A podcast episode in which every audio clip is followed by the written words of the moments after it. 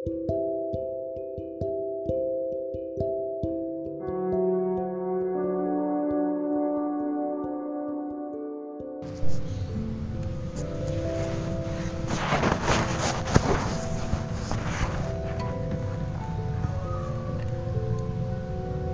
memegang korek itu dan kunyalakan hanya dengan satu kali cekresan.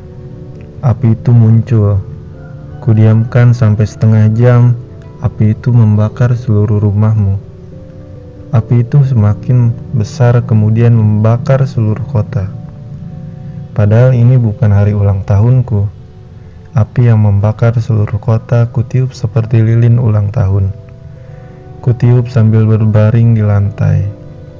Api itu tak kunjung padam.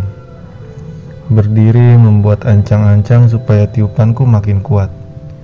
Tapi belum sampai membuat tiupan yang kuat, tubuhku berubah menjadi abu.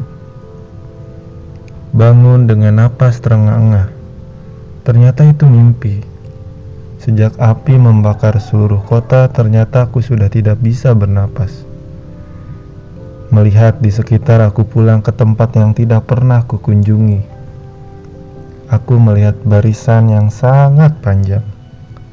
Orang-orang berbaris untuk melewati jembatan. Jembatan tidak terlihat. Di bawah jembatan itu ada pintu yang gelap dan menakutkan. Aku menunggu antrian yang sangat panjang dan lama ini dengan pakaian kulit. Bibirku yang kering seperti retakan pada patung dan perut berubah menjadi cekung. Kulihat dari kejauhan beberapa orang melewati jembatan seperti bermain skating di es. Kebanyakan orang tidak mampu melewati dan malah masuk ke pintu yang gelap dan menyeramkan. Sialnya, seumur hidup aku tinggal di daerah tropis. Aku tidak pernah bermain skating. Seberapa ahli kau bermain skating? Kurasa menanyakan itu adalah kesalahan.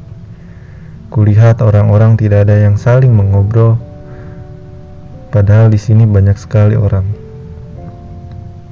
Panas dan membosankan.